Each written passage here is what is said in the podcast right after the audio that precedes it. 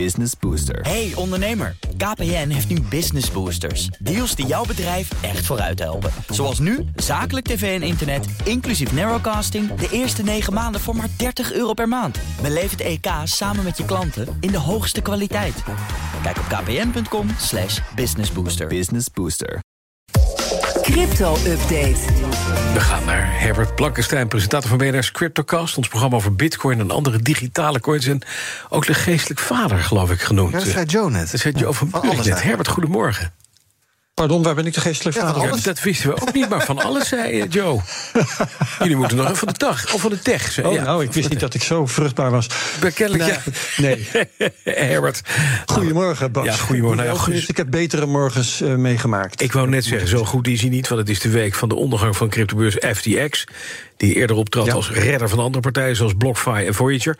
Zou nu worden overgenomen door de, twee na, de, de, de grootste concurrent. Dat is de, de grootste, Binance. Die hebben de boeken doorgespit en gezegd: we doen het liever niet. En dat doen ze via Twitter.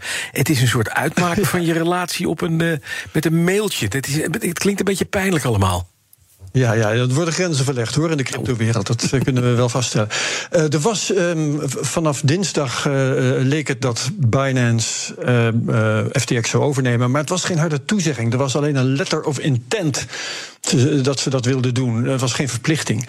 En inderdaad, ze zijn in de boeken gedoken. Werden ze niet vrolijk van. Allemaal rokende puinhopen ook daar. En toen hebben ze van de deal afgezien. En dat vond de markt weer niet leuk. Eh, het was net eventjes opgehouden, die vrije val, maar die ging vrolijk verder. Eh, alles 10 tot tientallen procent in het rood. Bitcoin ging onder de 16.000 dollar. De laagste stand in twee jaar, notabene. Nu op zo'n 16,7 geloof ik. En de ether staat op bijna 1200 dollar. Dat is op dit moment de stand van zaken. Absoluut. En nu met dat FTX, wat gebeurt daar? Wordt het inderdaad gewoon. Gaat het omvallen? Want een durfkapitalist komt er ook niet meer snel, hè? Nee, nee, het zou zomaar kunnen. Eh, Sam Bankman-Fried, hij is de oprichter en CEO, die heeft gesproken met investeerders. Hij zegt: ja, ik heb eh, even 8 miljard nodig. Ehm, wat zou helpen is 3 à 4 miljard in nieuwe aandelen. Dan doen we de rest wel met wat leningen. Ja, of je dat allemaal krijgt, is helemaal de vraag natuurlijk. Dat is even serieus geld.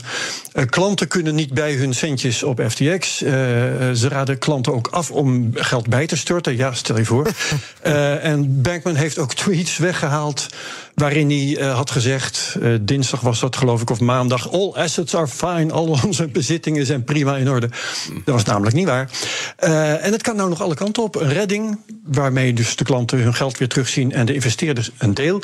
Of net als bij Celsius, een faillissement. Dat gaat jaren duren en als je dan geluk hebt, krijg je misschien een derde van je geld nog terug. Ja, het is voor mensen inderdaad de, de, de reden geweest om snel terug te trekken. Vandaar dat de prijzen naar beneden gaan. Maar er liggen meer slachtoffers langs de weg, hè, behalve FTX. Wat is er bijvoorbeeld aan de hand met de coin Solana? 50% lager sinds een week geleden. Hoe komt dat dan? Ja, nou, dat heeft hier ook mee te maken. Oké, Eh, in dit geval al. met Alameda Research. Dat is de financiële poot van het imperi- imperium van meneer Bankman-Fried. Eh, hij is de oprichter en de CEO van, en ook van Alameda. Ehm, Bankman was een vroege investeerder in Solana. Eh, Solana profileert zich als een concurrent van Ethereum. En eh, Alameda Research had 14,6 miljard aan bezittingen. Daarvan was eh, ruim een miljard in Solana. Dat is nu natuurlijk voor een deel verdampt.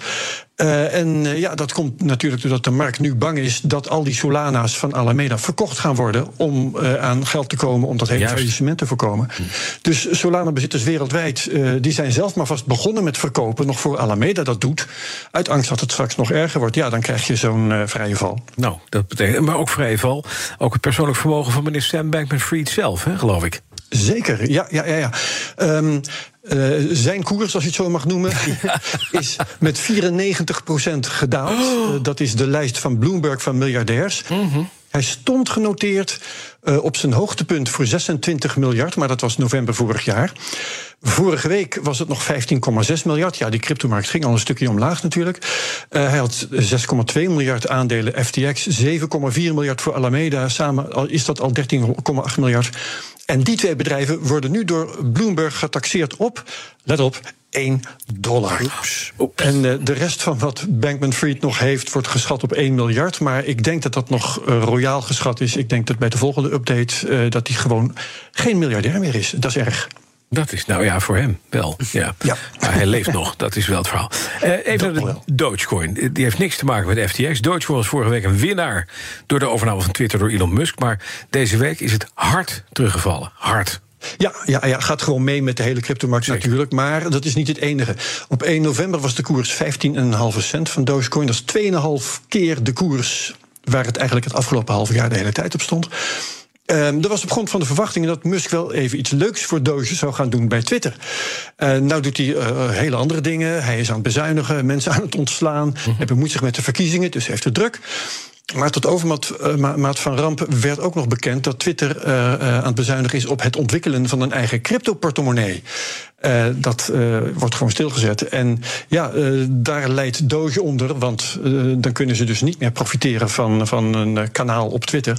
En dan is Doge opeens weer een coin waar je echt helemaal geen fluit mee kunt. En de koers is nu terug naar pakweg 8,3 cent. En dat is ja, weinig meer dan het was voor de Elon Musk-piek.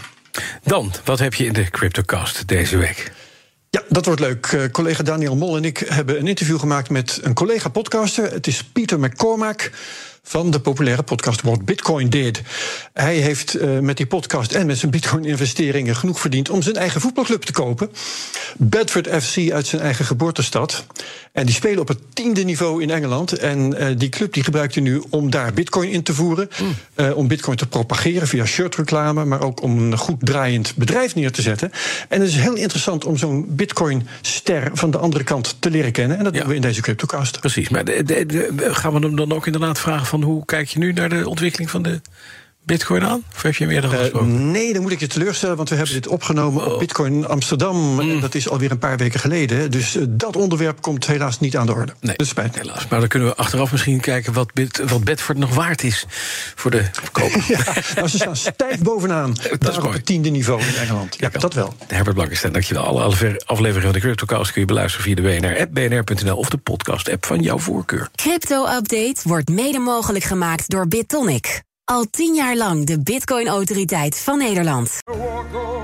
Hardlopen, dat is goed voor je. En Nationale Nederlanden helpt je daar graag bij. Bijvoorbeeld met onze digitale NN Running Coach... die antwoord geeft op al je hardloopvragen. Dus, kom ook in beweging. Onze support heb je. Kijk op nn.nl slash hardlopen.